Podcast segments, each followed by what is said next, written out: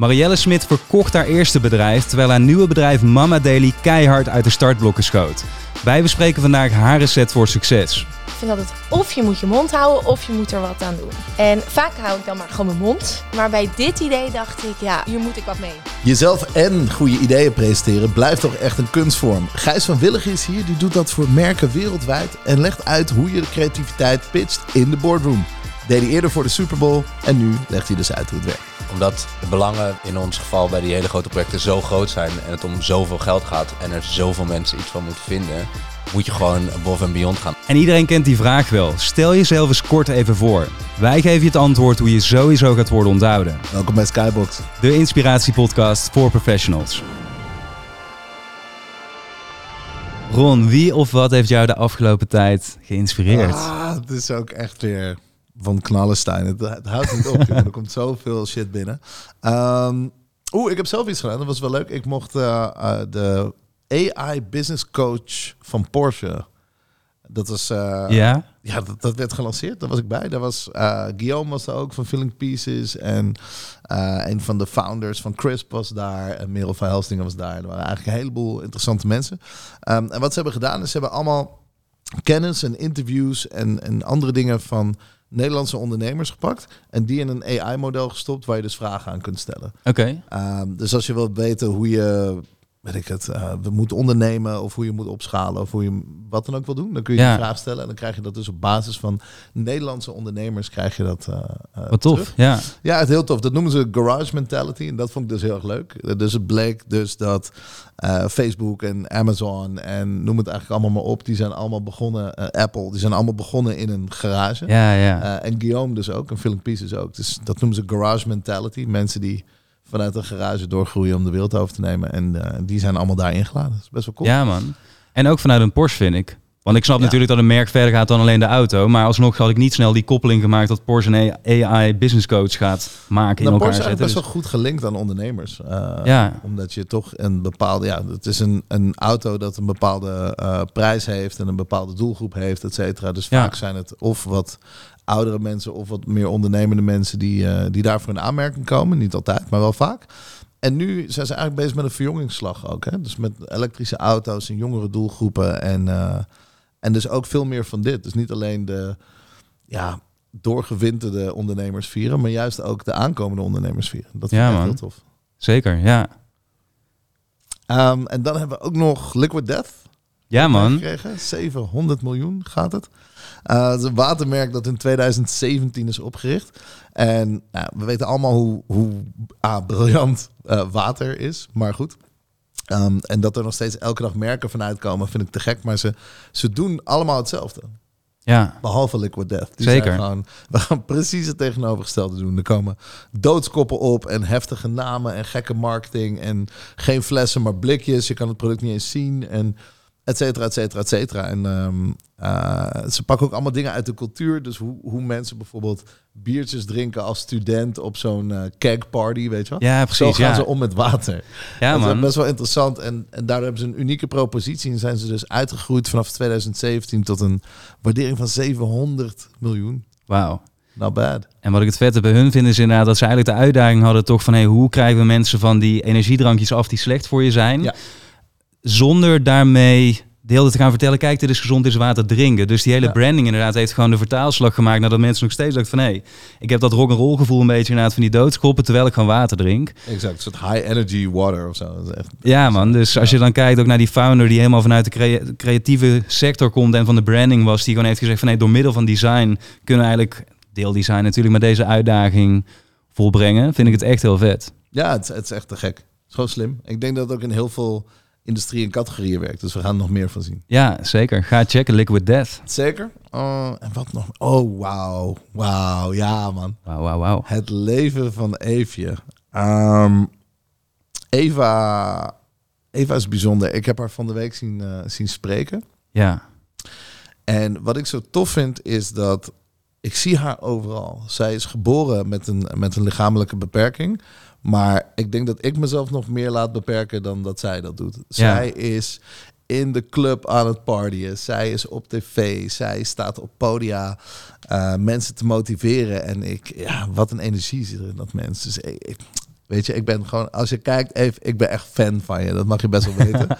Ehm, Ze maakt ook eigen programma's, toch? Want daar ken ik haar volgens mij Ja, van. ze maken echt programma's. En, maar wat het vooral zo- gewoon zo tof maakt, is dat het gewoon echt een authentiek verhaal is. En echt gewoon een leuk mens die zich niet uit het veld laat slaan door wat dan ook. ja. Ehm, en ik kende haar al, maar ik had haar talk nog niet gezien. Dus dit keer eh, dacht ik, oké, nou laat me eens even meekijken hoe ze, hoe ze dat verhaal overbrengt en hoe ze dat doet. En ik, pff, ik heb denk ik 15 minuten gewoon zo gekeken, gestaard en geluisterd. En het Ja, man. Echt, eh, echt te gek. Dus En ik weet hoe moeilijk het is om jou 15 minuten geboeid te houden. Dus ja, eh, man, ja. Eh, Eva Eickhout, love her. Nice man. Thanks voor het delen van je inspiratie weer. Anita Elbussen, de rockstar Harvard-professor, komt op 12 mei terug naar Skybox. Tijdens deze exclusieve special in de Ademtoren presenteert ze haar signature Harvard Business Cases over Disney en Nike en leer jij de business tactieken van de grootste merken en celebrities. Altijd al een dagje Harvard willen ervaren? Dat kan. Er zijn nog maar een paar tickets beschikbaar, dus reserveer snel jouw plek en check de link in de omschrijving.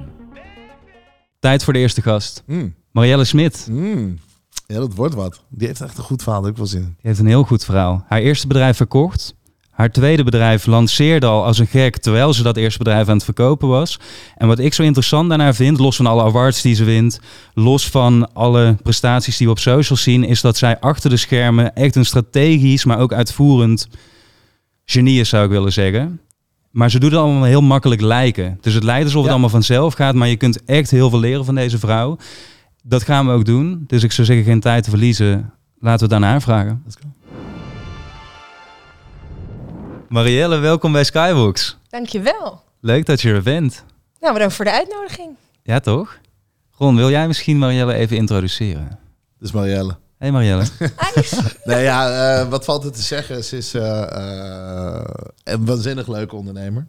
Dank. Inmiddels ook wel een beetje eh, personality. Dat vind ik heel erg leuk. Dus je, ma- je maakt content en je praat erover. Dat vind ik tof. En de vrouw achter Mama Deli. Wat in Nederland Mama Deli is. Ja, Ja. klopt. Daar komt het op neer. En eh, de zus van iemand die we heel gezellig vinden. En Ook. daar is genoeg mee gezegd. Ja, en je eerste bedrijf verkocht. En daar heel veel learnings uit getrokken die je nu weer toepast bij Mama Daily, Mama Daily. Dus ja? Absoluut. En Skybox bezoeker van het allereerste uur. ja? Ja, Echt, hè? Dat is echt waar. Ja. echt. Oh, dat ik ben zelfs langs niet. geweest. Ja? Helemaal echt begin. Helemaal in het begin. Ja. Terwijl je dus Mama Daily aan het, aan het creëren Aan het was. bouwen was. Net ja. begonnen. Ja. Nou, want daar wil ik graag, of willen we graag met je op inzoomen. Dat proces eigenlijk van, hoe doe je dat nou, zo'n merk creëren? Eh, omdat ik vind dat, kijk, bij jou lijkt het allemaal heel makkelijk te gaan. En alsof het heel organisch gaat, dat gaat het ook. Maar achter de schermen weet ik ook hoe kei en keihard je werkt. En dat je strategisch heel sterk bent. En ik zou graag die strategie eens een beetje gaan ontleden. Om te kijken van, wat kunnen anderen daar nou uit leren? En misschien leer je zelf nog iets eh, uit deze ontleding. Wat we En ook wel waar het nu staat. Dus Ja. ik bedoel, wat is voor iemand die er nog nooit van heeft gehoord, wat is het? Hoe ver ben je? Ja. Eh, en daarna uitleggen hoe we het hebben gedaan. En daar gaan we beginnen. Mama nee, nou, vriesverse babyvoeding zijn we. Dus eh, we hebben, ik ben twee jaar geleden heb ik het gelanceerd. Ehm, en eh, waar we voor staan is echt voor puur gemak. Dus we willen kindjes met puur, puur en vers eten eigenlijk op laten groeien. Ehm, want ik vond het gek als moeder dat het helemaal niet bestond. Het enige wat je kan vinden in de supermarkt voor je kleintje, voor je baby, is zo'n potje. Ja, Een, een potje met eh, voedsel wat eigenlijk, wat mij betreft, niet meer echt smaakt naar echt eten. Ehm, dat zeker niet zo uitziet ook, toch? Nee. Nee. Wat mij betreft niet. en ik dacht, dat moet anders. Eh, en dat kwam mij eigenlijk, het idee kwam eigenlijk toen ik eh, zelf moeder werd. En, eh, en ik daarmee eigenlijk in aanraking kwam. En ik dacht, hè, maar waarom is er geen goed alternatief voor zelf koken? Waarom is er geen vers, vers alternatief voor, voor je kleintje? Ja. Want wij hebben zelf natuurlijk wat we ook willen. Waar willen we een verse maaltijd of whatever. We kunnen alles overal krijgen. Hier op de hoek, hier beneden, waar dan ook. Maar niet voor je kleintje. Nou, dat is gek. Ja, Uber Baby was er nog niet. Precies, ja. Uber baby? Ja, Nee, nee, nee. Ik zit over aan de... Ja, nee, dat was er niet. Nee, nog steeds volgende niet. idee. Ja. En waar, waar staat het nu? Nou, we liggen nu in, eigenlijk in alle supermarkten. Dus we zitten eh, in Nederland zijn we eh, goed gevestigd op het moment. In bijna alle supermarkten verkrijgbaar. En eh, op dit moment eh, de stappen we in het buitenland aan het maken. Dus dat is wel heel erg kicken. En super spannend ook tegelijk. Ja, België sowieso wel, toch? België zitten we al inderdaad. En eh, we gaan nu eh, richting Spanje. Kijk, Ja, hola amigo. ja, hola hola. En waarom bijvoorbeeld Spanje en niet, weet ik veel, Duitsland? Eh, nou, we hebben best wel marktonderzoek gedaan. Duitsland is natuurlijk een waanzinnige markt ook om eh, straks binnen te gaan, maar eh super groot. En we moeten stap voor stap. Ja, En eh, Spanje was voor ons op dit moment eh, de juiste.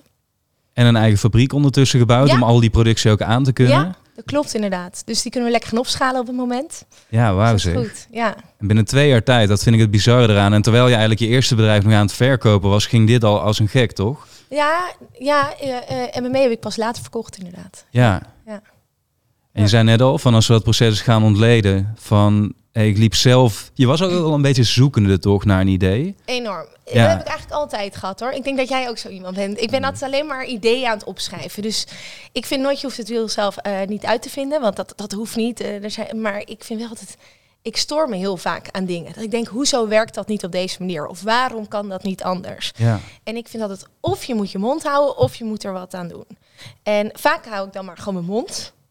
Eh, maar bij dit idee dacht ik, ja, weet je, dus ik had allemaal ideeën opgeschreven. En toen dacht ik, ja, maar dit is zo gek dat dat er niet is in deze tijd. Eh, in de maatschappij waar we nu leven, waar alles draait om gezondheid, vers en belangrijk dat je goed voor jezelf zorgt. En Hoezo- snel. Ja, hoezo is er geen vers, gemakkelijk eh, alternatief voor je baby? Dus ehm, eh, niet voor je baby, voor babyvoeding. Zou ik wel lekker doen. Ehm, dus, ehm, ehm, dus ik had allemaal ideeën opgeschreven en toen bij deze dacht ik, nou, dit zou zomaar iets kunnen zijn, inderdaad. Ja. Ja. Jij zegt vaak, het moet, moet zo goed voelen dat je het niet Ja. niet kan doen, toch? Ja. dat, Dat. vind ik een sterke, ja. Nou, dat was het. Want iemand vroeg pas ook aan mij van... Ja, maar wanneer was dat gevoel? Dat, ja, dat is er dan. En dan denk je, ja, shit, kan, eh, dit, hier moet Als ik wat het mee. niet, niet kan doen. Ik kan niet Ja. slapen, ik kan het niet met rust laten, Nee. ik kan het niet op, ophouden om erover te praten. Of te, de, Ja, want ik vond het namelijk wel heel lastig komen uit een hele andere markt. En dan ga je opeens in de babyvoeding. Ja, ik vond die stappen heel groot. Dus ik dacht, ja, shit, maar eigenlijk, ik kan niet anders. ja. Ik kan niet anders. Ik kan dit niet laten liggen. Dus eh, uiteindelijk heeft dat ook wel eh, de stap laten eh, doen zetten eigenlijk. Wat vet zeg. Ja. En je hebt ook al eerder een keer gezegd van hey, je moet iets niet doen als je er niet in gelooft. Sterker nog, je moet er zo hard in geloven dat je inderdaad dus niet anders kan. Ja. Maar ik weet ook in die fases van hey, je komt op een duur op een idee, dat geloof moet ook groeien. Het is er niet meteen all out there natuurlijk. Nee, natuurlijk niet. Dus hoe, hoe zorg je ervoor dat dat steeds meer bij jezelf, maar wellicht ook bij anderen die je nodig hebt, Ja, je gaat dat- gaat borrelen? Je gaat dat plan natuurlijk ook weer een beetje in je hoofd maken en wat dingen op papier zetten. Ik vind niet dat je hele, ja, ik ben niet zo heel erg van de hele bedrijfsplannen maken, maar wel even goede pilaren op papier Mhm. zetten. Wat zijn die pilaren dan? Wat moet er wel Ehm, staan? Nou, voor mij was het heel erg belangrijk dat het product staat als een huis. Dus dat klopt. Eh, dus dat was voor mij heel erg belangrijk. Eh daar komen een aantal dingen bij kijken, waaronder bijvoorbeeld ehm, eh, de mensen om je heen eh, die, die daar nog meer verstand van hebben in mijn geval. Want ik Ja. had in de basis niet zoveel verstand van voeding. Ik heb de afgelopen twee jaar ongelooflijk veel over geleerd, maar dat had ik niet. Dus ik, ik had wel echt bijvoorbeeld een team om me heen nodig. Ja. Maar ook, eh, er bestaat genoeg babyvoeding op de markt, weet je wel. Dus hoe ga je dat anders doen? Heel stuk marketing. Nou ja, toen heb ik inderdaad eh, bij mijn vriend hier op rechts een keer aangeklopt. Eh, maar een stuk prijs, weet je wel. Dus je, allemaal dingen die ik op papier ging zetten, die, die moesten kloppen. Ja, en dan ga ik bij, ben ik bij vrienden en vriendinnen gaan aankloppen, maar ook bij mensen die een beetje in die wereld zitten van, oké, is dit niet gewoon iets? Waarom is dit er niet? En Ja. eigenlijk op die vraag kon niemand echt goed antwoord geven waarom het er niet was. En toen dacht ik, nou, Ja, en ik, ehm, ik zie dit ook best wel vaak. Ik spreek veel, veel ondernemers die dit zien. En wat je gezegd over dat geloof. De, ja, dat is vrij standaard inderdaad. En, en iedereen zegt dat. Maar één ding vind ik interessanter. Is dat je moet eigenlijk eerst extreem goed geloven in het probleem.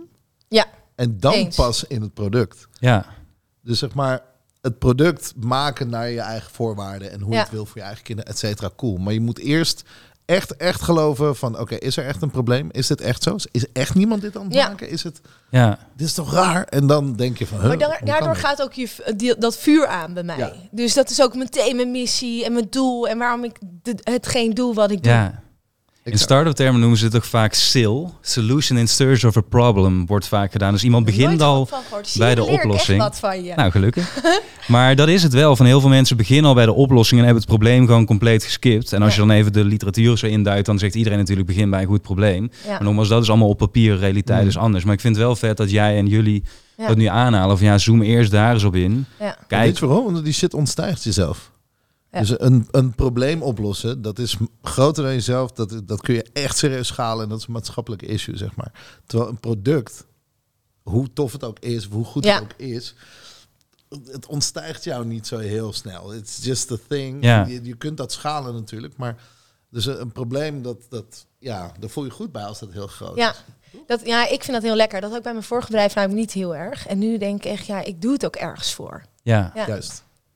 En dus uiteindelijk als we een soort drietrapsraket creëren, krijg je dus eerst probleem, Ja, vervolgens oplossing, maar je product of dienst is ook een uitvloeisel dan van die oplossing. Dus het zou net zo goed kunnen dat jullie op het duur, in plaats van nu vriesverse babyvoeding in de supermarkt, ook nog een meal delivery service of zo zouden kunnen gaan doen. daar kan je allemaal dingen aan hangen. inderdaad. Precies, ja. ja. Kapstok. Ja, dus daar zit ook weer een, een verschil tussen. Oké, dan hebben we die basis staan. En toen zei ik over nou, waar je ten tweede heel goed in bent. En dat hebben ook wel veel mensen niet. Is dat je dan vervolgens tot uitvoering overgaat en niet te lang blijft hangen. Ja. Mm. Ik weet niet of... je gewoon vooral een, een doorzetter of zo. Ik zie je overal, die energie. Je bent echt die, dat dure konijntje. Je bent gewoon aan Ja. het overal iedereen spreken, iedereen uitzoeken, valideren. Bap, bap, Ja, dat heb ik in het begin ook voornamelijk heel erg gedaan. Hè? Dus ik, ik eh, met jou gezeten, maar ook eh, eh, destijds Manon van Essen, hè? die eh Majoni ooit heeft Ik opgezet. van Manon hoor. Oh, ik ben gek op Manon. mensen. Ja, heerlijk wijf, echt waar. Dus die, die heb ik op een gegeven moment ook een keer, die ken ik eigenlijk helemaal niet zo goed. Maar ik dacht, hé, hey, ja, zij weet van, want zij weet hoe dat werkt in die business. Ja. Ik, weet, ik, heb, ik kende niemand in de foodindustrie, zeg maar, eh, eh, zeg maar in die retail. Maar zij wist het. Dus ik dacht, nou, ik ga gewoon eens een keer een koffietje met haar drinken. Dus zo is dat ook gekomen. En dat, ik ging ook gewoon op LinkedIn mensen die, waarvan ik dacht, oh, die zit ook in de retail. Dan ga ik ook eens een keer koffie mee drinken. En op die manier Ja. eh, kom je inderdaad ook veel meer te weten over hoe het werkt. Nou ja, ik ben blij dat ik dat iets later heb gedaan dan mijn idee bedacht. Want, want anders was ik misschien nooit hier aan begonnen. Want het is best wel een heel ehm, uitdagend verhaal. Dat ret- eh, in de retail komen. En ja, heb jij ook nog als, eh, gedaan, toch? Met we hebben, eh, we hebben product, ja. En dat is echt de, de minimum order quantity en de Super, doordraaitijd en de super uitdagend. Ja, gestoord. Ja, nou dat. Dus ik ben blij dat ik daar pas later achter kwam. Ja. maar eh, het, he- het- ze, hebben, ze heeft me zoveel bijgeleerd. Eh, en dat is gewoon met koffietjes. Hè. Het is niet dat we een hele, dat Ja. een hele les van haar hebben gehad of zo. Nee, maar gewoon eventjes gehoord hoe dat nou werkt en eh, wat ik daarvan kan leren. Dus dat, eh dat was misschien één vraag tussendoor, maar wat, wat vertel jij dan in dat bericht wat je iemand stuurt om ervoor te zorgen dat zij ook met jou willen gaan zitten? Want ik hoor nu de vraag in het hoofd van mensen die kijken of luisteren van ja, allemaal leuk, maar hoe kom ik aan tafel bijvoorbeeld? Heb je daar ook nog iets? Oeh, nou, wat je doet of- Nou, ik heb daar niet echt een heel interessant antwoord op. Want ik, ik ben zo gedreven, dus ik heb maar één doel. En dan is het dan gewoon, hé, hey, eh, ik zou het onwijs leuk vinden om met jou een kopje Ja. koffie te gaan drinken. Want ik ben met dit en dit bezig. En eh, vaak, eh, dat heb ik zelf ook, dan vind ik het zo tof dat iemand daarmee bezig is. Of zo gedreven is. Of, oh, dan wil ik wel even een keer een koffietje mee drinken. Als ik kan helpen, is dat toch te gek. Het zijn toch maar één van drie dingen. Het is of een goed idee, of de juiste persoon, of de juiste ingang. That's Ja, it. ja. Er is geen andere manier, ja, of geld. Maar Ja. los Ja. van dat kun je niemand overtuigen. Ik denk dat dat de prikkels zijn. En natuurlijk helpt het als je een eigen netwerk hebt, of als je Ja. groter bent, whatever, dat kan. Maar in principe heb je maar één ingang nodig. Ja. Ja, maar ik heb ook echt bij, bij gewoon mensen die ik echt niet kende en ook niet via via heb ik gewoon aangeklopt. Gewoon gezegd, hé, hey, Ja. ik heb gewoon een heel leuk idee. Het zou het Heb je wel eens fantastisch nee gehoord? Ja. Of helemaal niks? Ook? Ja. Ja, maar dat, dat hoort erbij. Ja, ik zou, het is een numbers game, toch? Je ja, moet gewoon, gewoon... blijven sturen. Ja, ja. En, en ook, eh, en dat, dat, dat moet je hebben. En daar is Manon bijvoorbeeld ook heel erg goed in. En dat heb ik zelf iets minder. Maar ehm, gewoon geen schaamte hebben ook. Gewoon een soort bord voor je kop en gaan. Hoe zeg je dat? Ja, ja. Gewoon gassen. Oogklep op en gewoon... ja. eh, ja. en dat vind ik soms wel lastig. Dan denk ik, oh ja, nee, ik, eh, vind ik dat nu al, kan ik Ja. degene nu wel een bericht sturen? En, en als ik dat ik dan al groot genoeg? Mag dat? ja, nee. En dan denk ik gewoon, fuck, ik doe het gewoon. Hey, en dan zit ik uiteindelijk eh, weer daar en daar aan tafel. Ja. Dus het, ik denk altijd, probeer het gewoon. Zeker. En ik vond het ook wel interessant wat je net zegt van de hoeveelheid berichten. Van één insight die ik zelf heb gekregen is mensen onderschatten altijd hoeveel volume er van iets nodig is om te bereiken wat je wilt bereiken. Dus bijvoorbeeld wil je 10k volgers op Insta, heel veel mensen willen dat om een of andere reden, Ja. minimaal 1000 posts. Wil je inderdaad 10 klanten binnenhalen, ga maar minimaal 100 berichten uitsturen Ja. en gesprekken voeren, et cetera. Dus vaak is het niet zozeer wat je doet, maar ook de hoeveelheid waarin je doet. Wat je zegt van het moet Eens. gewoon volume en decency hebben. Ja, en ik vind ook gewoon, kijk, iedereen moet wel eens een keer een opstapje no- eh, hebben. Weet je wel, iemand, je hebt Ja. soms even gewoon iemand Ja. nodig die je even een klein zetje geeft en, eh, en je een beetje helpt. Dat, dat, dat is niet altijd natuurlijk het geval, maar het zou wel lekker zijn soms. Klopt. Ja, ik denk dat het een of het ander is. Ik denk dat eh, bij sommige dingen is het pad zo duidelijk. Weet je wel, er is er maar één persoon en die moet het gewoon zijn. Ja. En, en het is wat het is en koste wat het kost moet daar komen. Ja, En op andere momenten inderdaad, als je bijvoorbeeld in een nieuwe business stapt, zoals jij doet, dan zeggen, ja, weet ik veel wie het is. Dan ga ik door de molen. ja, ja, ik snap het. Dan gaan we ja. uren maken, dan gaan we volume Ja. draaien. En dan, Ja. weet je, een numbers game komen er wel uit. Ja, Ehm, maar dat is hetzelfde met bijvoorbeeld, eh, weet ik veel, financiering of zo. Soms heb je meteen iemand in je hoofd. Ja. Oké, dit moet hem zijn. That's it. Ja. dat heb ik met Deze mijn bedrijf persoon- verkopen gehad. Dat ik, ik ging, eh, toen ik mijn eh, eerste bedrijf ging verkopen, ik, we hadden een en ander uitgezet en met, met externe partijen die dan gingen helpen om de juiste partij te vinden. Opeens dacht ik, ik moet even hem bellen. ja. En dat was hem En uiteindelijk. raak, toch? Gewoon. Meteen raak. Exact, ja. Dat was hem. En diegene die lag gek. eigenlijk al de hele tijd bijna onder je neus, toch? Maar je zag is het niet. gek. Dat komt dus omdat je vooronderzoek hebt. True. Het gaat uiteindelijk om kennis. Want uiteindelijk, als je iemand wil pitchen en je wil dat die persoon weet ik veel geld uitgeeft of, of een verandering doet, dan moet je weten waarom ze, wat is de motivatie voor hun om het te doen. Ja. Niet alleen is het idee goed, zelfs als het idee goed is, kun je erbij toe komen en zeggen: Ik heb echt een waanzinnig idee voor eh, veel, jachthaven. Good luck ermee. Je hebt het verdient geld. Good luck ermee. Ik heb Ja. er niks mee. Ja, precies. Ja, ja. ja. Dus door te weten wie Ja. je tegenover je hebt Eens, en wat ook ze zo. kunnen Ja. en of het capabel is, Ja. dan kun je steeds betere beslissingen maken. En daarvoor vind ik dit soort podcasts ook interessant. Want ik doe heel vaak, als ik een gesprek met iemand heb die ik nog niet goed ken, ik ga al die podcasts gewoon checken. Ik luister zelfs een playlist op Spotify als ik hem kan vinden, om gewoon een soort van psychologisch in die persoon Ja. te kruipen, Ja. inderdaad. Uh, Ja. En dat zijn hele simpele dingen eigenlijk, want het is gewoon voor iedereen toegankelijk. Maar ja, doe je het wel of niet, is de vraag natuurlijk. Ja. Maar ik heb nog veel meer vragen. Shoot. Want een andere is, wat ik zei, van als ik dan vanuit de buitenkant naar jou kijk, eh, op Instagram of zo, Ja. dan lijkt het, en dat doe jij niet bewust, het is niet dat jij een soort perfect plaatje het hoog Nee, dat houdt, maar dan denk ik ik, ook wel, niet. ik denk wel altijd van ja, hoe doet ze dat toch? Met Ron heb ik het ook al heel vaak gehad. En ik vind het heel interessant om dan even een inkijkje te krijgen van hoe ziet een week eruit? En dan niet wat gaat er allemaal goed, maar wat zijn ook de dingen die die week niet goed gingen? Mhm. Kun je ons eens meenemen in een week de afgelopen Ja, maanden nee, in jouw leven? Wat je zegt is waar hoor. Ik probeer, ik probeer online altijd wel een beetje ook eerlijk te laten zien. Ook bijvoorbeeld s'avonds. Dus eens een keer te laten zien dat ik gewoon eh, om eh, half twaalf s'avonds nog steeds achter mijn laptop zit.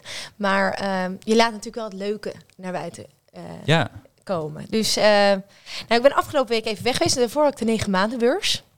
belangrijk Eh, moment. Voor ons mega moment. Die mochten we ook met Mama dit jaar openen. Dus dat is echt te gek. Dat is een soort dingetje. Eh, en ehm, dit jaar mochten wij dat doen. En ehm, ja, dat, dat, dat gaat heel veel heel erg goed. Hè. Dat zie je ook eh, online. Hè. Dan zie je ons foto's, mooie foto's, fotograaf, videograaf, alles mooi vastgelegd. Ja. Maar wat je niet ziet inderdaad, is dat ik de dag ervoor gewoon met één collega eh, die opbouw sta te doen. Wauw. En dat ik daar om één uur aankom, dat ik daarvoor nog afspraken heb om één uur. En dat ik er dan achter kom dat echt nog zoveel moet gebeuren. Dat we daar eigenlijk met vijf man hadden moeten staan. En uiteindelijk met z'n tweeën staan we daar met kapotte nagels en eh het zweet op onze rug staan we daar die hele opbouw nog te doen. Ja, Omdat we de volgende dag gaan beginnen. Ja, dat soort dingen, dat zie je niet. Precies dat, ja. Achteraf denk ik dan, oh, dat had ik eigenlijk even moeten delen. Want het is, het is Juist, natuurlijk te achterlijk je hebt de tijd niet Nee man, moment. ik, denk helemaal niet over Ja. na. Ik denk gewoon gas geven. Alles moet nog eh, opgehangen worden. En ik bedoel, ik, ik, ik had een partij die de, de, de eh, stand had opgezet. Maar alles moest nog ingeruimd worden. Alles opgeplakt Ja, precies, het was ja. ongelooflijk veel werk. Ja, en eh, dat zie je inderdaad niet. En de volgende dag weer blij op de beurs in de ochtend natuurlijk. Ja, dan sta je weer bij Ja. op de beurs. En die ging hartstikke goed. En wat je dan ook weer niet ziet, is dat op de tweede dag dat we aankomen. En ik zeg, jongens, voorraden. Ik zeg, al die vriezers leeg. Ja, die, die gaan we nu bestellen. Ik zeg, nu bestellen? Hoe kan dat? Ik zeg, maar hadden we, hadden we het toch gisteravond gedaan? Nee, nee, zijn vergeten. Oké, top. Maar wat gaan we dan nu verkopen? Die hele, al die vriezers. We staan hier gewoon wel om te rammen, weet je Ja. wel. En, en mensen te laten proeven en kennis te laten maken met ons merk. Ja, en dan is het gewoon echt alle noodknoppen en dan bellen en iedereen. En uiteindelijk staan we om twee uur 's middags. We hadden een supermarkt gemaakt, opgebouwd. Echt te gek. Supermarkt dicht. Eventjes. En al die vriezers weer vol rammen met, eh met spul nice. wat we dan uit Zoetermeer eh, vanuit onze distributie hebben laten komen. Ja, dat zie je dan ook niet inderdaad. Maar dat is wel dan gewoon eh, wat er gaande is. Ja. Maar daar ben ik wel zuur over. Hoor. Want dan denk ik, ja, ik sta hier niet voor. we staan hier gewoon echt Ja, snap ik, ja. laten maken. Mensen laten zien wat we doen. Staan die hele vriezers staan leeg. Leermoment denk ik ook. Want dat is het ding enorm. natuurlijk van ja. Nee, maar dat is, dat, dat, dat is wat we wel dan meteen doen. Het, het was zaterdag klaar, maandag zitten. Oké, alle learnings meteen voor Ja. volgend jaar. Exact, want dat is de truc. Zeg maar. Niemand vertelt je erbij, maar als je besluit om een weet ik veel, industrie in te gaan waar je niks van weet, Ja, dan ga je ook een bedrijf in waar je niks van weet. Dan Ja. ga je beurzen doen op een manier waar je eigenlijk Geen niks van idee. weet. Geen fucking idee. Nee. En dus als je daar niet van... Je moet ten eerste accepteren dat het zo gaat. Niemand, niemand overkomt het op een andere manier. nee. Ja. Als je iets nieuws gaat doen, ga je moeten leren. Dat Ja. is de, zo, zo, zo zit dat in elkaar. En ehm, dat hebben we hier ook, weet je, met, met Skybox of met andere dingen. Ja, het gaat gewoon niet perfect, maar het gaat wel beter dan goed. En dan is het steeds die foutmarge kleiner maken. Ja, Ja, ja, dat is het. Dat, dat is het enige spel. En, Ja. en dus inderdaad Continu zitten, leren. leren, Ja. praten. Ook ineens weer beseffen hoe je accountable en eindverantwoordelijk bent voor alles. Ja. Ja. Een leuke een founder zijn of in, weet je, op podcast doen, maar at the end of the day ben je ook Dat is het. Want voor ik neem, het. ik neem mezelf kwalijk dat die vriezers leeg staan. ja. Want hoezo hè? heb ik dan iets gemist? Waar, waar, Maar dat is goed, want de volgende keer ga jij er ook voor zorgen dat het niet zo is. ja, nee, 100 procent. Ja, ja, ja, ja. En, en eh, degene die daar aan het werk was of whatever, misschien is hij er volgend jaar niet op dat project Nee, of whatever, klopt. maakt niet uit. ja. Maar jij bent daar zeker. Ja. Dus die accountability is juist goed. Dat Ja. je dan denkt, oké, er zijn fouten gemaakt. Niet wie heeft fout gemaakt. Dat is Nee, nee, we moeten het gewoon nu oplossen. Ja. Klaar. En volgende keer gaan we het anders doen. oplossen en volgende keer skippen. Ja. En zoeken jullie dan ook, want jullie hebben inmiddels echt tal van bedrijven, geval jij tal van, jij nu twee goede bedrijven eh, opgericht, daar leer je veel van. Kijk je dan binnen je team ook naar mensen die die mindset hebben van hey, als er dingen misgaan, Ja. niet van wie heeft het gedaan of geflikt, maar hoe lossen we het op? Kun je dat van tevoren toetsen of kom je daar altijd Mm. pas in het Kan je dat moment toetsen? Nee, achter? toch? 100% kun je dat toetsen. Jawel? Ja? Het is heel simpel, ja. Dit is, Ja, eh, ik ben hier dus niet goed in. Het is heel simpel. Je moet ondernemers aannemen. That's it. Iedereen die bij me komt met ja, ik heb een soort van side hustle met dit, dat, top, you're hired. Gaan. Oké.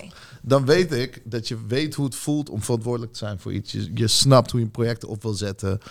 Ehm, en je doet mee. En het ding is dat in Nederland zegt iedereen altijd: oh, een ondernemer is iemand met een business. Maar dat is niet waar. Nee, dat is waar. Nee. Ondernemen is een mindset. Het is gewoon shit doen, fixen.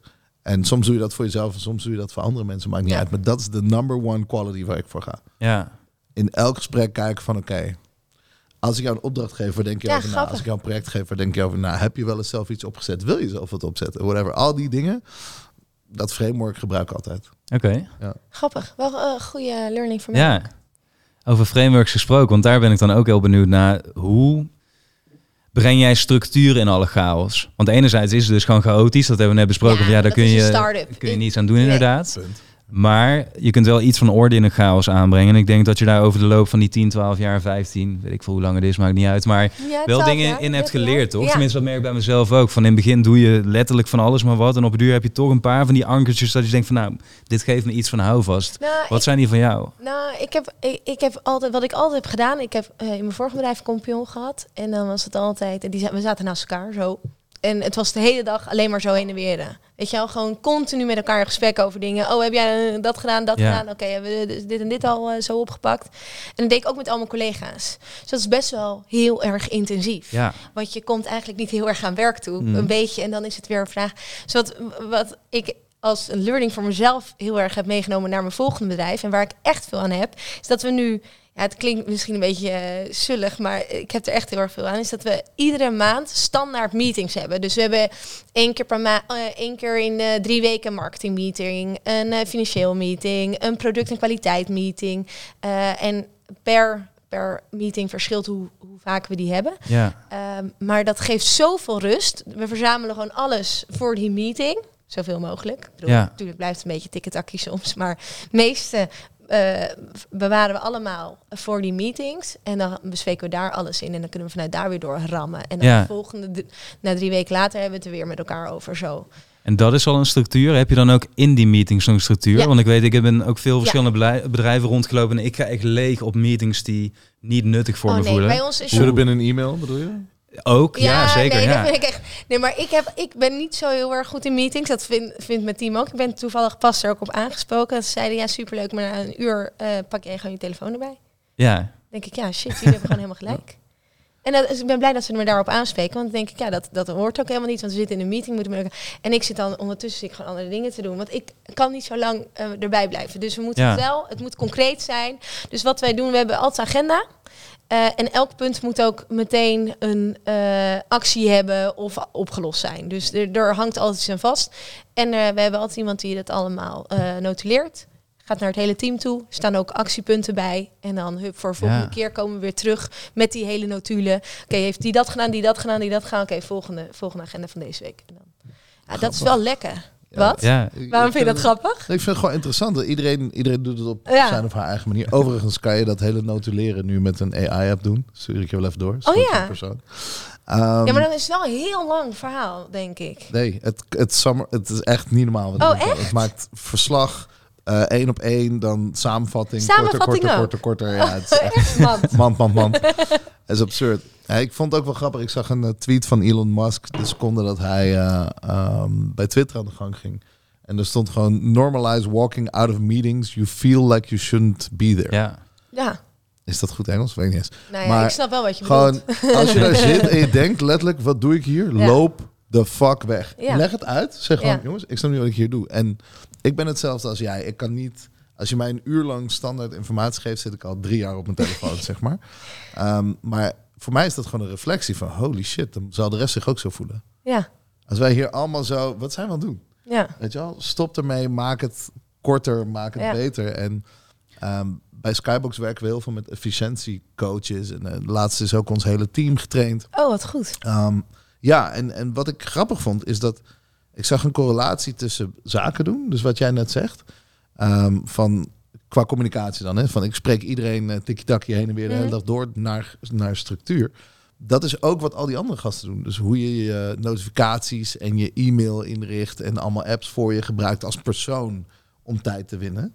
Dat is precies wat een bedrijf ook kan. Ja. ja. Als je al die notificaties uitzet, want moet je je voorstellen hoe vaak jij dan geappt wordt, Ja. toch? Dus Ja. per dag. Ja, ja, ja. Dat, dat gebeurt dus ook bij al je personeel. Dus die zijn eigenlijk ook niet uh, op volle kracht aan het werk. Eens, maar wat jij zegt over Ja. dat je weg moet lopen, wij, wij hebben als start-up, doe je in het begin, heeft iedereen allemaal verschillende petten op, hè? Want we zijn een klein team. Ja, dus we staan allemaal, eh, allemaal, dus we doen ook alle meetings, allemaal doen we Samen, samen. ja. Ja. dus het enige wat we niet samen doen is finance. Daar hoeft niet iedereen Ja. bij te zitten, maar de rest zit oh, iedereen overal bij. Dus dat is, dat is nu ook in jaar twee dat we tegen elkaar zeiden, ja, maar wat doe jij eigenlijk? Onze marketingmanager, wat doe jij bij product en kwaliteit? Weet je wel, dat, dat in principe hoeft dat niet, mits we daar iets Ja. in moeten communiceren, maar dan trekken we daar er weer bij. Dus dat zijn allemaal dingen, het hoeft allemaal niet meer, maar je zit daar zo in en op een gegeven moment heb je dan opeens zo'n punt dat je denkt, oké, maar wat doet zij eigenlijk hier in deze meeting? Dat hoeft echt niet. Ja, ja. Maar dat, is dat komt opeens zo'n punt. En waarschijnlijk zijn, is dat dan wel pas twee meetings te laat, maar dat, dat hoort er dan bij. Nou, ja, en als iedereen over alles iets te zeggen wilt hebben, dat is Ja, ook iets waar ik zo leeg op ga. Ja, dat is Oh, gewoon niet Ja, functioneel. Ik denk van Nee. als je vertrouwen in elkaar hebt, dan Ja. is het inderdaad, jij bent de marketing guy, girl, Ja. whoever. Doe maar het. doe Ja. het inderdaad. En anders, Ja, maar het enige wat ik daar nog aan toe wil voegen is dat um, mensen weten de spelregels in de briefings niet. Het is niet hun bedrijf. Het is ook niet hun meeting. You call them, zeg maar. En, en dan Ja, ja, verwachten ja. we heel vaak dat het goed gaat. Dus wat heb ik gemerkt? Ik vond het heel interessant. Er zijn bijvoorbeeld... Er is een, uh, een awardshow waarbij uh, de speech mag maar vijf woorden zijn. Oh, lekker. Drie, zeg maar. Three Oh, word zou- acceptance Ja? speech. Of Oh, vijf, lekker. zes. Dat zou voor mij wel minder stress opleveren. Maar het maakt niet uit wie je bent, hè? Dus fucking Kim Kardashian tot uh, Quentin Tarantino, maakt gereed uit. Je krijgt gewoon vijf of zes woorden of wat. Woorden echt. Woorden, ja. Waardoor thank you everybody. Dan heb- ja, dat. Um, maar de meeste mensen proberen een soort van vette quote te verzinnen Ja, ja, wat dan ook. Maar waar het om gaat is dat ze begrijpen in ieder geval wat ze niet mogen doen. ja, Ze weten niet wat ze wel mogen doen. Nou, you figure that one out zelf. Maar wat je niet mag doen is praten. Ja. En ik vind dat soort dingen interessant. Van wat nou als we meetings zouden doen? We zeggen tegen iedereen: je krijgt precies drie zinnen om te updaten. ja. Of 60 seconden met een klok. Oh ja, lekker. Weet je wel? Vertel me alleen wat ik moet weten. Probeer, Ja. Prop alles er maar in. Ja. 60 seconds. Dan, dan weet je ook, je gaat dat spel aan en Ja, het wordt ik- leuk. En ja, het wordt, weet je wel? Dat is wel leuk, want wij, ik zit met veel vrouwen, dan is het toch al snel er zo eromheen. Ja, ja, ja. Wij doen dat nu met meetings. Met, eh, we hebben die TED-talk-regel uit het boek gehad. Dus als je een Welke? TED-talk geeft, Ja, dan mag je maximaal 18 minuten praten. ja, Maakt niet uit you- of je de, de cure for cancer hebt bedacht, maakt niet uit. Ja. Je krijgt 18 minuten. Ja. Ehm, en dat heb ik nu op alle pitch meetings gedaan. Dus mensen die mij willen spreken of een idee willen pitchen of wat dan ook. Ik precies exact 18 minuten. Dan zeg ik oké. Als TED Talk zegt 18 minuten, krijg jij. Go. Oh, ik zou echt bloednerveus... Ik ben blij dat dat een paar jaar geleden niet was. Toen ik bij jou ging zitten. Oh, dat nee, ik maar wij deden een sessie, dat is wat anders. Maar wij, wij kenden elkaar al. Ik heb Ja. ook mensen die mij gewoon een DM sturen van... ik wil je heel graag een keer spreken en ik wil het product Hoe pitchen. vaak en zeg ik jij ja? Ik Ja? zeg 100% ja en dan pakt mijn team het op en zegt... nope, nope, nope, yes, nope, nope, nope, nope, nope, yes. Zo. Maar ik, ik wil het liefst iedereen helpen. Dat, ja, precies. Maar dat, is best wel, ja, maar dat is best wel lastig. Want dat kan niet. Daar heb je niet, geen tijd voor. Nee, exact. En dus 18 minuten, straks 1,8 Ja. minuten, dan 18 seconden, weet ik veel. We gaan wel naar iets. zou bloednerveus worden, 18 minuten, oké. Nou, over tijd en nerveus gesproken, er is één ding wat ik sowieso nog van je wil weten. Want ik weet dat jij je weken voorbereidt. Ja. Maar één stapje terug. Ik denk dat heel veel mensen dat gevoel herkennen. Het is maandag, je komt uit je weekend. En mij bekruipt toch vaak een soort van gevoel van paniek. Van ik moet van alles, ik weet niet precies wat. En je gaat maar door die maandag heen alsof het een rollercoaster is. En maandagavond denk ik dan van... Dit is niet hoe ik het volgende week moet gaan doen. Maar dan doe ik weer hetzelfde.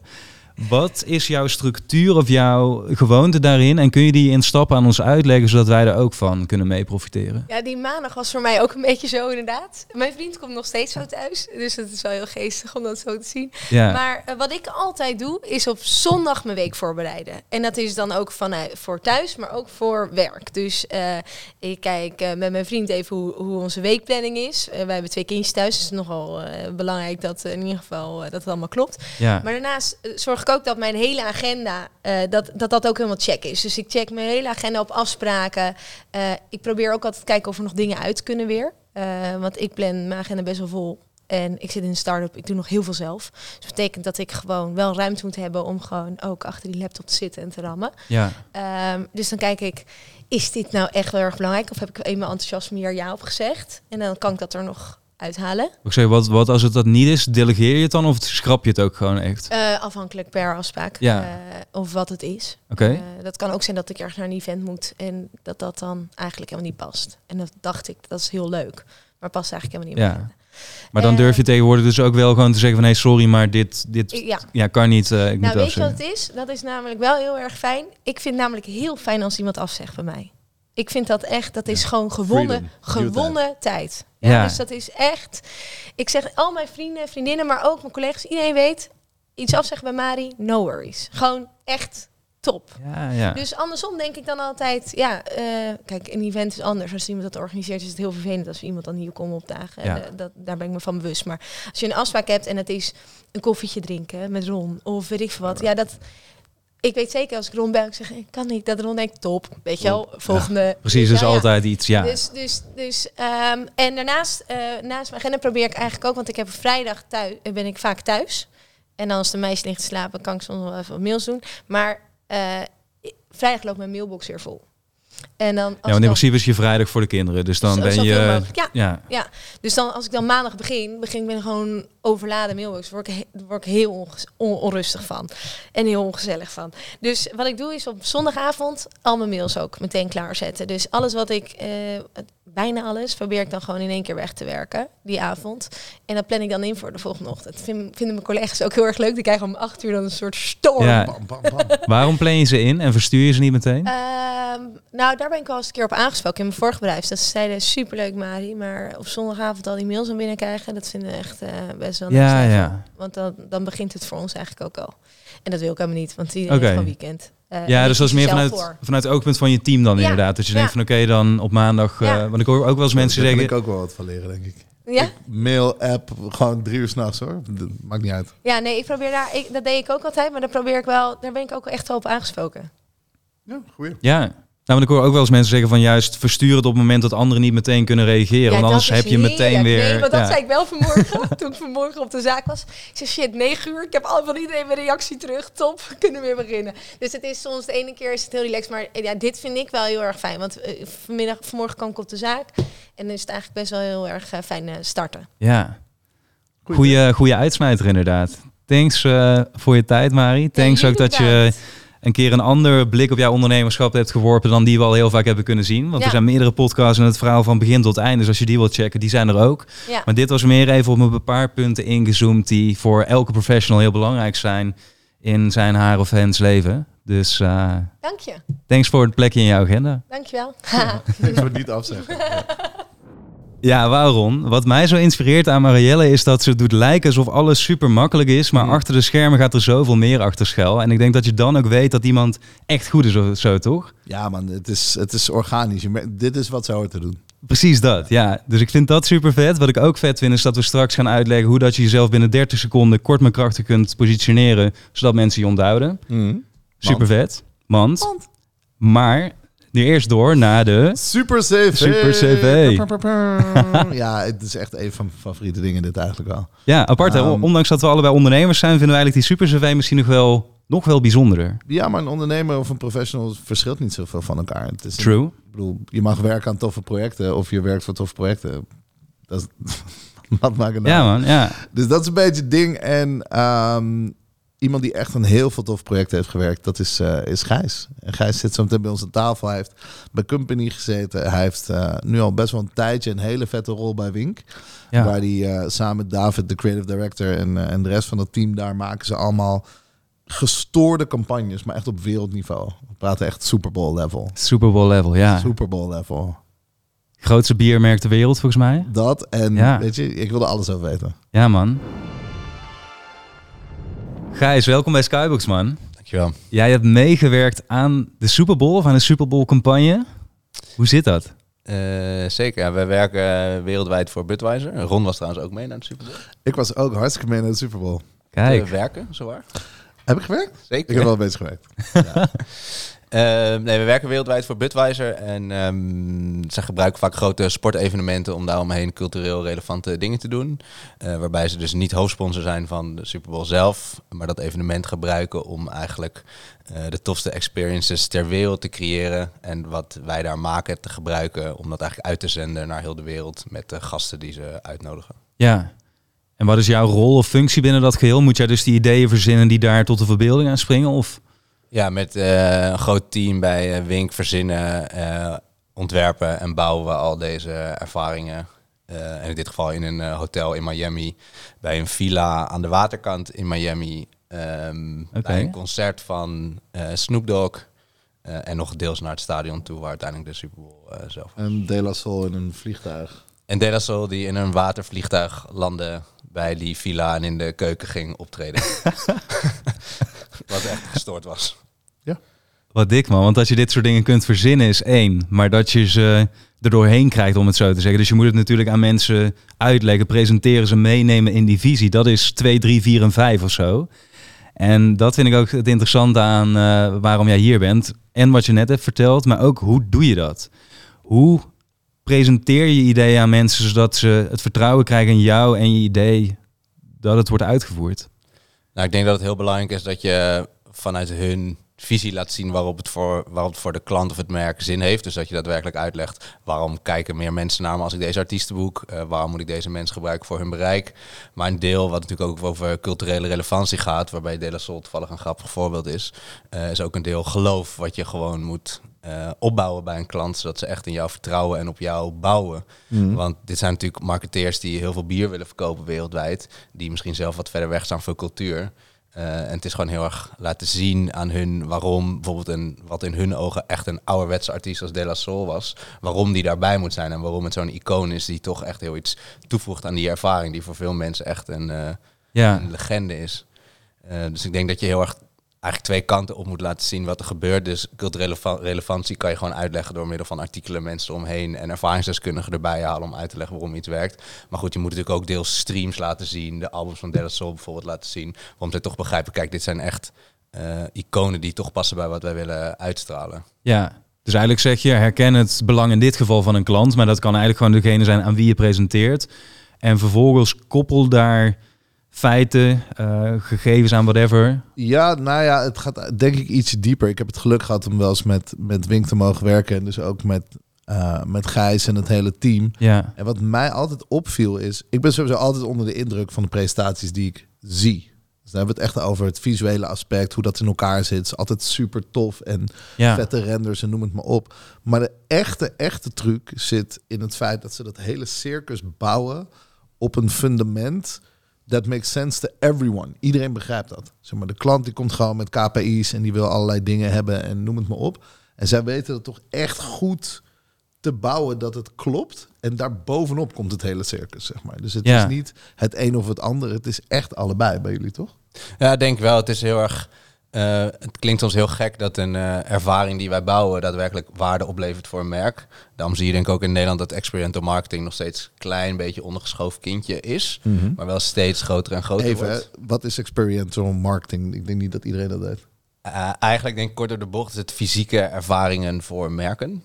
Kijk. Waar mensen dus naartoe kunnen, denk ik. Echt een soort beleving, toch? Als je Ja. er naartoe gaat, en, als je naar bijvoorbeeld een vet evenement gaat, van de uitnodiging tot de ingang, tot hoe het eruit ziet, tot wat er gebeurt, tot Ja, het tot op. alle content, tot de indruk die het maakt. Ja, tot Ja. alles wat er gebeurt. Eh, muziek, programmering, echt de hele shebang. zou En dat heet zeggen. experience marketing. marketing. Ja, experiential marketing, ja. Oké.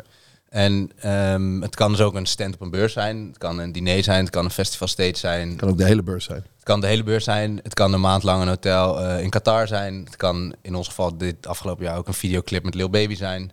Eh, dus het is heel breed. Maar ik denk dat de kern in wat wij doen altijd de fysieke ervaring is die we dan doorvertalen in of content of de beleving of eigenlijk alles wat daar dan gebeurt. Ja. En Ron die zijn, vertelde net van hey, waar jullie heel goed in zijn is en een heel sterk fundament bouwen en daar de rest dan omheen, even vrij vertaald. Ja.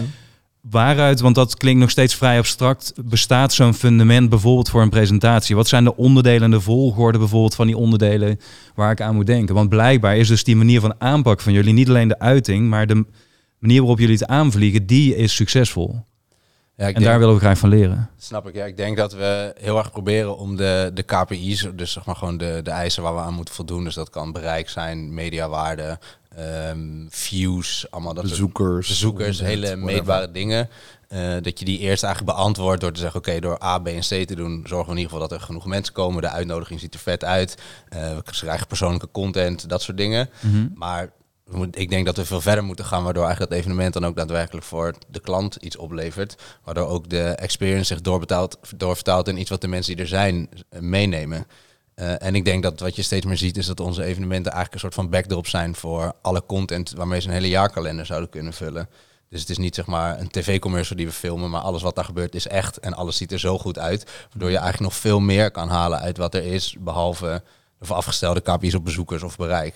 Dus dat is eigenlijk nog veel meer, eh, het is veel meer oplevert denk ik in die end dan met wat we daar bouwen. Maar het komt daar ook gewoon weer neer op die ouderwetse soort van what, how, why, toch? Dus de, de what is dat fundament. Oké, wij willen gewoon per se zoveel mensen moeten het drinken, zoveel mensen moeten kopen, zoveel mensen moeten het zien of whatever. Dat is gewoon meetbaar en, en dat is de wat.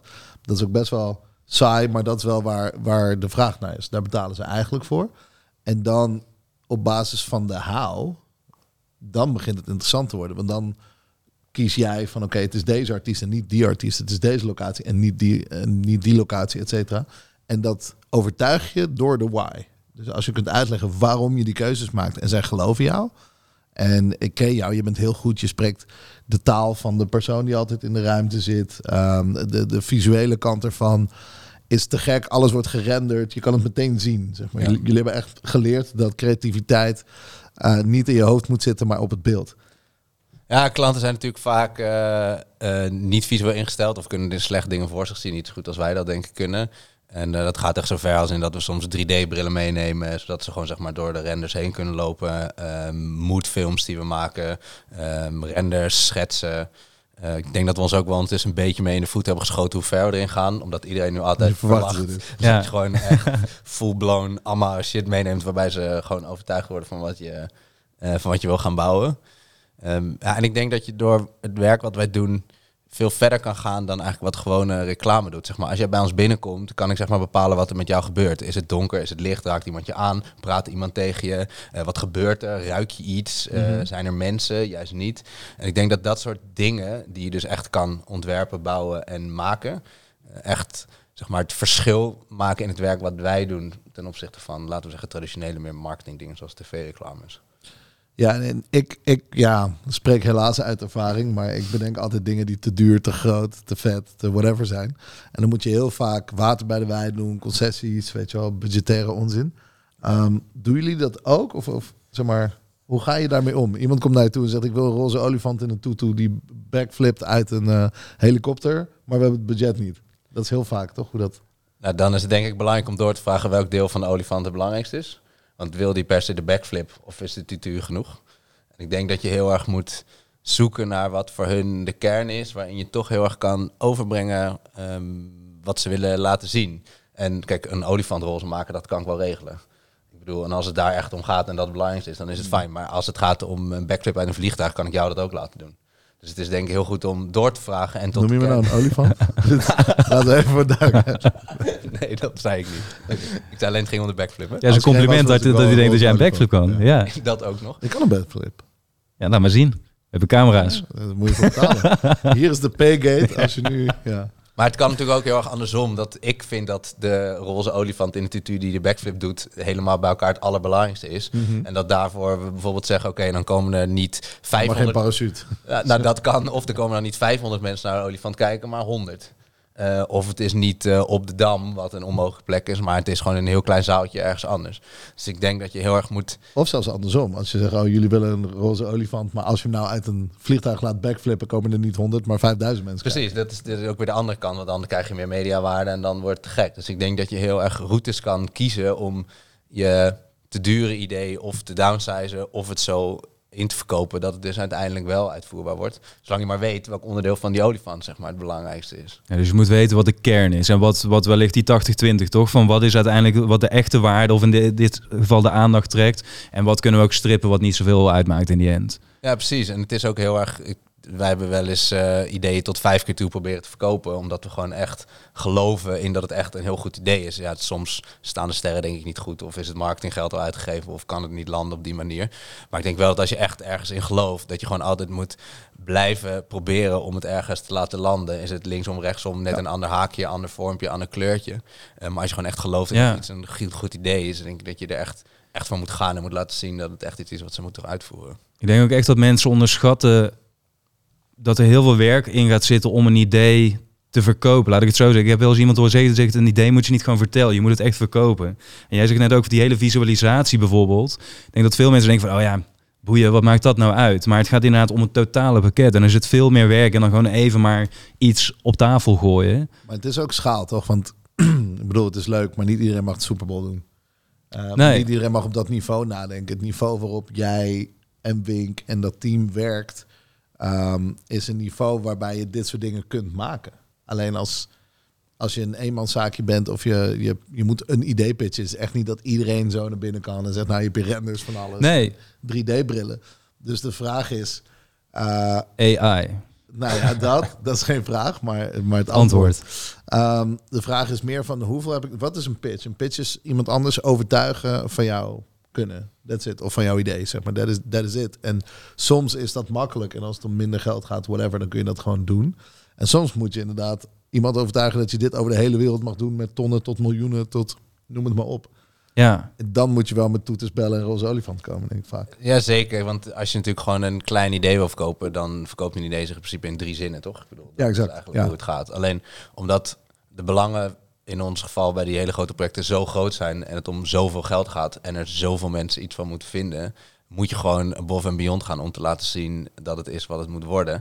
En er kijken gewoon nog heel veel meer mensen naar die ons het niet zien presenteren. Dat is ook Dat is nog erger. Dus zij moeten daarna jouw pitch nabootsen aan de rest Ja. van het team. Dus dan maybe... Heb je hiervoor gestudeerd? Kan je hiervoor studeren, überhaupt?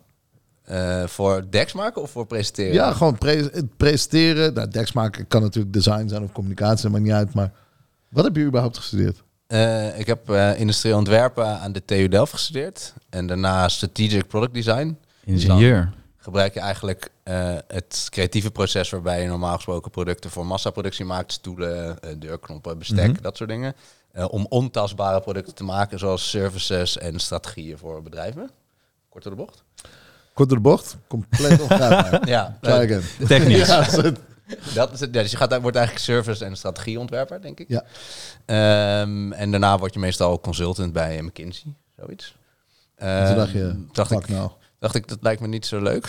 Maar ik zou dan wel heel veel geld gaan verdienen, zoals veel van mijn eh collega-studenten. Maar ik dacht, ja, ik vond vooral het hele creatieve proces het tofst.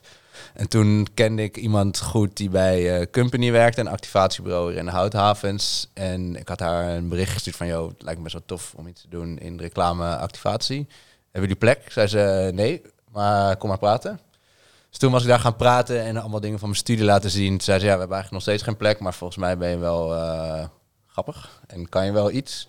Dus toen ben ik daar eigenlijk drie dagen in de week begonnen voor 800 euro, geloof ik, in de maand. Shout-out company. ja, terwijl ik wel... eh, ja, ik had natuurlijk geen sporen verdiend nog. En ik had wel een heel mooi diploma van de TU Delft. En ik mocht mezelf ingenieur noemen. Maar ik had verder, ja, wist niet zoveel van reclame.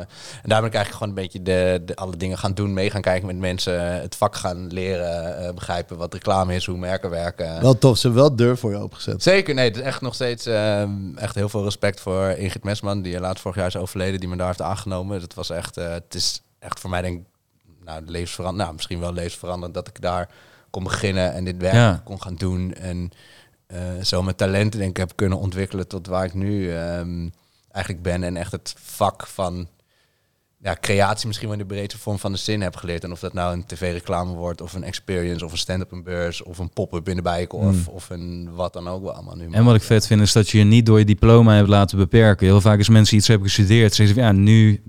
Kijk, de route, de route is al bepaald inderdaad. Maar dat je het open vizier hebt gehouden en nog steeds houdt. Om te kijken van ja, maar wat is het volgende? Of wat past nog beter bij me? En ik denk echt dat dat wordt onderschat, dat dat eigenlijk best wel moeilijk is. Ik kan me voorstellen dat het voor jou misschien heel natuurlijk heeft aangevoeld. Maar ik hoor zoveel mensen zeggen van ja, maar ja, ik heb dit nu gestudeerd. Er zitten zes, zeven, acht jaar in. Ga ik dan nu nog iets anders doen?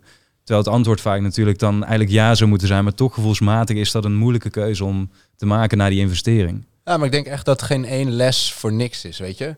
Ik bedoel, zelfs als je, noem wat, geschiedenis hebt gestudeerd en je wordt eh art director, dan heb je alsnog, weet ik 100% zeker, bij al die lessen geschiedenis sowieso shit geleerd die je mee kan nemen in je art directorschap. Ik denk echt dat Alle... Ook verhalen vertellen. ja, ik denk dat alle lessen zijn eh, een basis voor het volgende wat je gaat doen. Ik bedoel, kijk naar Ron, wat hij allemaal doet, toch? Het is ook allemaal ziek Ja. verschillend. Laat zich door niks eh, beperken, open blik. Gebruikt zijn netwerk supergoed.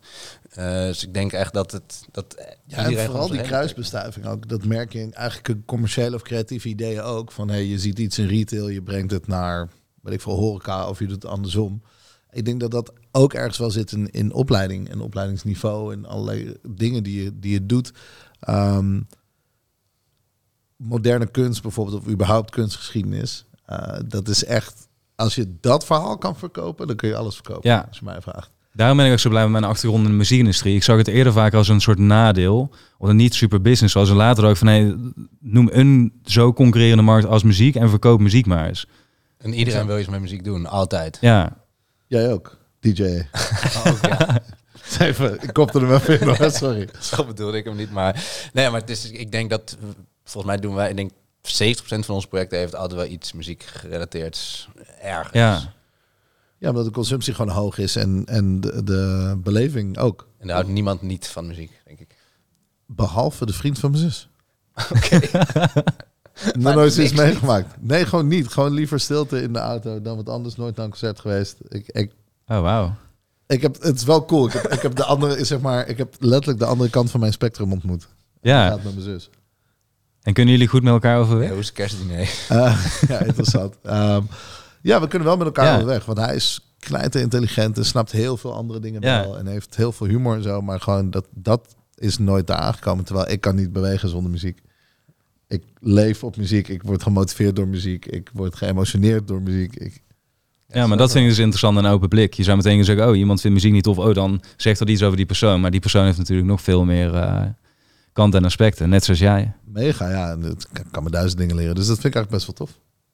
Hey, nog heel even over die presentaties, hè? want je hebt er echt een hoop gegeven. Wat is nou de, de spannendste presentatie in jouw hele oeuvre, om het zo te noemen? Kun je ons eens meenemen naar dat moment? Hoe was de Eh, setting? dat- Ehm, Hoe ging dat?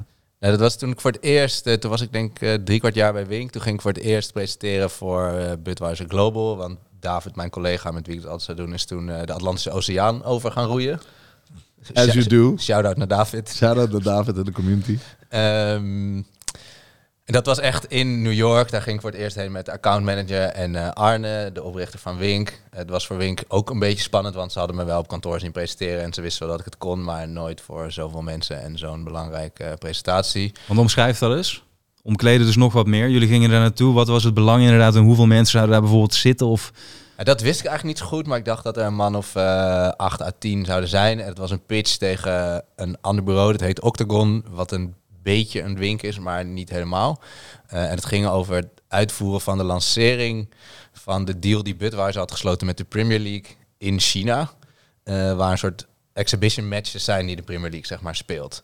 Eh, en we hadden daar een idee voor bedacht dat we een soort van modeshow in de rust wilden stagen. Waarbij allemaal doeken naar beneden zouden rollen. Eh, allemaal oud-voetballers zouden daar lopen. Een beetje zoals de halftime show van de Super Bowl met een DJ, maar dan bij een voetbalwedstrijd. Ja. En China zou een soort van de enige plek zijn waar dat echt kon. Want in Nederland mag je allemaal niet op het gras lopen bij wedstrijden. Maar daar hadden we het waarschijnlijk wel voor elkaar kunnen krijgen. Eh, en dat moest ik gaan verkopen voor het eerst aan heel veel mensen. En het was ook nog op het kantoor bij Octagon. Dus je ging zeg maar echt het, eh, Fuck, Wolf van der Leeuw. ja, in New York. Dus we gingen daarheen. En toen moesten we eerst wachten voor die zaal. En dat was allemaal best wel een beetje eh, spannend. En toen ging die deur open. En toen was het echt zo'n hele botte boardroom. Met zo'n tafel in het midden. eh, Ver Oh. uit elkaar. Heel veel stoelen. En toen was het echt zo, oh, oké, gaan we dit echt doen? Dus toen daarvoor een laptop aangesloten. Dacht ik, oké, ik ben op zich wel klaar van. Ik dacht, iemand gaat wel iets zeggen. Even pauze. Wat Ja. gebeurt er dan op dat moment in je onderbuik? Word je dan zenuwachtig? Ben je juist heel erg overtuigd? Want de meeste mensen krijgen dan een beetje zweethandjes. Je begint toch licht te twijfelen. Dus wat gebeurde er bij jou op dat moment? Nou, het was wel spannend. Ik bedoel, ik had denk ik wel een beetje zweethandjes. Maar ik denk wel dat het ook heel veel gezonde zin was. En ook omdat die zaal zo heftig was dat je denkt, oké, fuck it, dan ga ik ook gewoon maar laten zien dat we hier niet voor niks zijn uit Amsterdam naartoe zijn gevlogen. En dat we als relatief klein bureautje tegen al deze mensen hier gewoon eh, eh, de beste show kunnen laten zien, denk ik. Ja, Ehm, maar ik denk dat die gezonde spanning wel goed is, want anders dan, je moet het gewoon bloedserieus nemen, zo'n presentatie, en gewoon echt het beste van het beste laten zien, denk ik. Eh, maar het was wel, ehm, ja, gewoon veel zin, maar toch ook wel dat je dacht, jeetje, gaat, gaat dit, gaan we dit echt doen? ja. En toen ging je doen. Ja, toen, toen ik dacht, iemand zou zeggen, eh, je mag nu beginnen.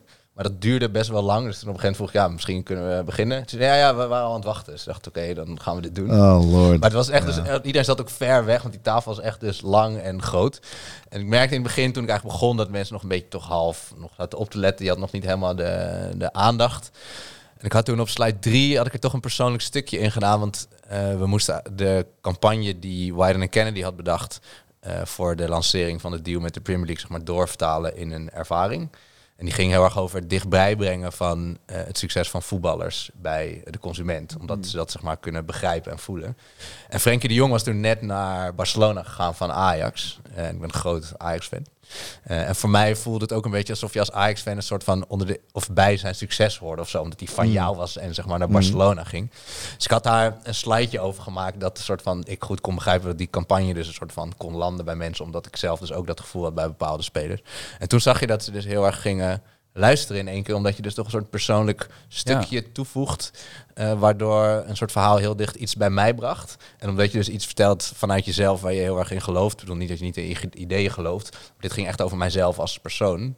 Eh ging toch alle hoofden in één keer omhoog en was er toch veel meer aandacht daarna of zo voor de rest van het verhaal. Denk je dat het is omdat je van een soort van praktisch anonieme marketeer van Wink ineens gijs werd? Ja, dat denk ik wel. Het is, het is echt heel erg dat mensen denken... oh ja, deze jongen is gewoon fan van voetbal... en die houdt van die spelers en die snapt het. En ik moet echt zeggen dat ik nooit, eh, nooit zo lang erover heb nagedacht... dat dat zo'n belangrijk stukje was in die presentatie. Maar het was echt een kantelpunt, los van dat we een 3D-bril mee hadden. Het is alsof die de eerste dingen, maar- grapland bij een comedian. Als je niet Ja. weet van oké, Ja. gaat deze crowd het snappen? En dan kom je ineens in die comfortzone, toch? Van, Ja, maar je had het voor het verhaal helemaal niet nodig. Want zeg maar, die, dat maar verkocht voor de extra. presentatie wel. Voor de presentatie was het echt, Ja. echt, echt denk ik belangrijk. En ook, het gaf mezelf ook denk ik nog iets meer comfort daarna. Omdat je gewoon toen iets meer in je, in je verhaal zeg maar kwam, denk ik. Ja, Vet. Hey, en wat zijn andere dingen? We hebben nu gehad over de Super Bowl en presentaties. En kun jij in een soort van een minuut samenvatten wat voor lijpe andere dingen jullie allemaal hebben gedaan bij Wink? Go. Eh, ik heb de hoogste pop-up store ter wereld voor de Noordface ontworpen. Met een heel team die in de Italiaanse Dolomieten stond.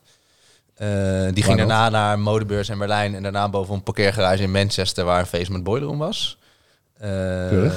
we hebben de allerstikste drie dagen tijdens de Super Bowl georganiseerd. Dus met die 150 mensen. Eh, we hebben een maand lang een hotel in Qatar overgenomen voor het WK voetbal. Waar ook nog een club bij is. Waar onder andere Jason Derulo, Nio, Peggy Goo en nog heel veel andere mensen optraden. En terwijl dat er was, eh, hebben we ook nog een videoclip gefilmd met Lil Baby. Die de officiële, een van de officiële anthems van de FIFA World Cup heeft gemaakt. Keurig. Je hebt nog 30 seconden. Go. Ehm wat nog meer wat heel sick is. Even denken. alsof dit nog niet genoeg was. Niet heel veel andere hele sikke dingen meer die me nu te binnen schieten. Oké. Nou ja, dit was eigenlijk ook al wel genoeg. Ja man, ja, is toch bizar. genoeg. Oh, ik heb wel eens ook nog wel interessant. We hebben een. eh, dit is, maar het is niet heel sick, omdat het gewoon in Nederland is en niet zo groot. Maar we hebben in corona eh, een hele supermarkt bij de Dam omgebouwd tot een soort pop-up galerij voor het Nederland samen met het Moco Museum. Wat eigenlijk de enige plek was waar je mensen mocht samenbrengen, want het was corona. Maar in de supermarkt kon het wel. Eh, en waarbij we dus eigenlijk een heel gangpad hebben overgenomen. In plaats waarbij je normaal altijd zeg maar, een kopschap krijgt of iets kleins hadden. Dus echt gewoon een heel middenpad wat helemaal galerij was. Wat ook weer uitverkocht was. Wat ook wel weer best wel tof was uiteindelijk. Blijft leuk, man. Ja, man, je moet ze maar uit je, uit je mouw schudden. We hebben tot nu toe besproken om het even weer naar de kern terug te brengen. Spreek de taal van degene naar wie dat je spreekt. Dus weet wat het belang is en koppel jouw idee of eh, whatever je dan ook hebt bedacht daaraan. Je zou ook visualiseer dat idee, maak het zo tastbaar mogelijk. En ook al heb je niet een hele backbone zoals bij Wink. Nogmaals, ik denk tegenwoordig dat er best wel wat mogelijkheden zijn. Photoshop, AI, weet ik veel wat, om iets van gevoel mee te geven. Je zei ook voeg persoonlijkheid toe. Dat wordt vaak vergeten, toch? Want ja, een presentatie is iets heel erg statisch en buiten jezelf. Maar eigenlijk is het natuurlijk compleet jezelf. Want mensen hebben waarschijnlijk ook het geloof in jou boven het idee. Zeker. En dan de laatste die ik wel interessant vind. En dat gaat dan een beetje over die 3D-bril. Bril, bril. Uiteindelijk wil je natuurlijk een hoek hebben. Van je wilt iets hebben wat mensen onthouden. Of het nou in je campagne is of in je presentatie. En de vraag die ik wil stellen is: hoe verzin je nou een goede hoek? Hoe kom je daarbij? Ehm, nou, het is een beetje de vraag, vind je de hoek, zeg maar, de 3D-bril? Dus dat je zeg maar iets extra had in de presentatie, of bedoel je de hoek van het idee zelf? Nou, misschien is het dus wel beide, want dat kan iets zijn wat mensen onthouden. Een extra feature of zo die dat het geen wordt, maar het kan ook iets in het idee zijn natuurlijk. Ja, ik denk dat de hoek in het idee zit. Ik denk dat de 3D-bril is de uitvoering van een hoek of een Ja. gimmick of van whatever. Maar meer Ja. van, net als bij clickbait, als je een goede titel schrijft, moet je Ja, gewoon... precies. Snap je, hoe werkt dat en hoe doe je dat op idee-niveau? Ehm, nou, het is denk ik heel veel onderzoek doen, heel veel lezen, weten wat er allemaal gebeurd is. Ik denk ehm, voor mijzelf in ieder geval altijd openstaan voor input. Alles kan eh, inspiratie zijn eh, voor nieuwe creatie. Ik bedoel, ook dit gesprek kan voor mij straks ook weer iets triggeren over wat ik in een brief moet oplossen. Eh, ik denk heel goed weten wat er speelt om je heen. Ik denk dat het echt belangrijk is in onze industrie om echt up-to-date te zijn wat er is. Ehm, en soms kan het gewoon vallen. Dan lees je gewoon een nieuwsbericht waar je denkt, wow, dit is echt hetgene wat ik nodig heb. En ik denk dat het ook goed is om op zoek te gaan naar gekke feitjes, waar je iets mee kan, inzichtjes, eh, interessante dingen die gewoon gebeuren in de wereld of in de maatschappij. Ehm, en gewoon altijd openstaan voor alles, denk ik. Ja, dat is interessant. Het is voor mij, zeg maar, die geschiedenisstudie of jouw muziekstudie of dit gesprek of als ik straks weer in de discolift sta naar beneden. Het is gewoon allemaal, daar kan iets gebeuren. En ik denk echt dat het heel belangrijk is dat je al die input altijd echt laat binnenkomen om eh, mee te nemen. Want een idee ligt echt om de hoek. Zeker. En ik zelf, ik voeg altijd eh, dat idee van clickbait, voeg ik gewoon toe. Dus een titel waar je op zou klikken, dat is hetzelfde niveau enthousiasme dat ik wil hebben als wanneer ik je een idee uitleg. Ja, En dan kan je een idee uitleggen in een uur met een heel team, visueel, whatever. Maar uiteindelijk moet, je, moet jij het door kunnen vertellen. En als je dat niet kan in één zin, dan heb ik iets verkeerds gedaan. Ik denk dat je Ehm. het ook voelt als het klopt. Ja, Het is heel erg dat je gewoon weet dat je gelijk hebt of zo. Dat, ja je voelt het. Het moet gebeuren, het- toch? Ja, je voelt is het van binnen, van, weet dit, je. Ja. dit Ja. is het. is crazy. Eh, en dan heb je vaak ook nog de keuze, en die gebruiken we hier heel vaak van, oké, wie heb ik tegenover me? Als het een creatief is, krijg je het hele idee te horen. Ehm, is het iets minder, zit er een creatief in de ruimte, laat me het zo zeggen. Gaan we al naar 66%? En zijn het geen creatieven, dan pitch ik eigenlijk maar 33% creativiteit. Daar ja. nog een keer langer over hebben, maar het komt eigenlijk op neer van, je hebt 66 of twee derde daarvan moet vertrouwd zijn, moet je begrijpen. En een derde mag dan nieuw zijn, want dat is de hoeveelheid dat ik jou kan overtuigen in één presentatie. ja, dat prikkelt je net genoeg om meer te willen weten, maar je begrijpt het wellicht nog niet. Maar die twee derde vertrouw je al. ja, dus je hoeft maar precies, één derde ja. te vertrouwen van het nieuwe idee. Dat is een beetje een truc. Ehm, dat wel heel goed werkt. En ze hebben allemaal andere doelen natuurlijk met wat jij gaat presenteren. Dat is ook wel, eh, Absoluut. ook wel een ding, denk ik. Ja. Thanks, guys. Thanks voor het delen van al jouw eh ervaring. Want ik zei, dat zijn er nogal wat me presenteren. En het is iets wat uiteindelijk iedereen moet doen natuurlijk. Maar hetzelfde is met jezelf voorstellen. Wat we ook in deze aflevering gaan behandelen. Is het iets waar misschien net iets te weinig soms bij wordt stilgestaan. Waardoor het in het moment misgaat. En dat je het dan spannend gaat vinden en moeilijk en bla bla bla. Maar eigenlijk zeg jij gewoon van ja... Bereid je shit gewoon goed voor, doe het vaak, krijg vertrouwen daarin en denk er strategisch over na hoe dat je het nog beter kunt maken. Ja, wat Ron ook zegt, weet tegen wie je spreekt. Dat is echt belangrijk. Het is echt. Je, het is heel erg anders als je tegen een marketeer praat of een creatief of tegen jullie. Weet je wel, dat is echt een andere approach, andere slides, andere beelden. Weet je wel, dat is echt. eh, Ja, Zeker. Hey, thanks man. Ik vond het echt leuk. Cool, tof dat ik hier mag zijn, thanks. Memory Lane. Ja, Ron. Nou, Sander. Nou, Ron.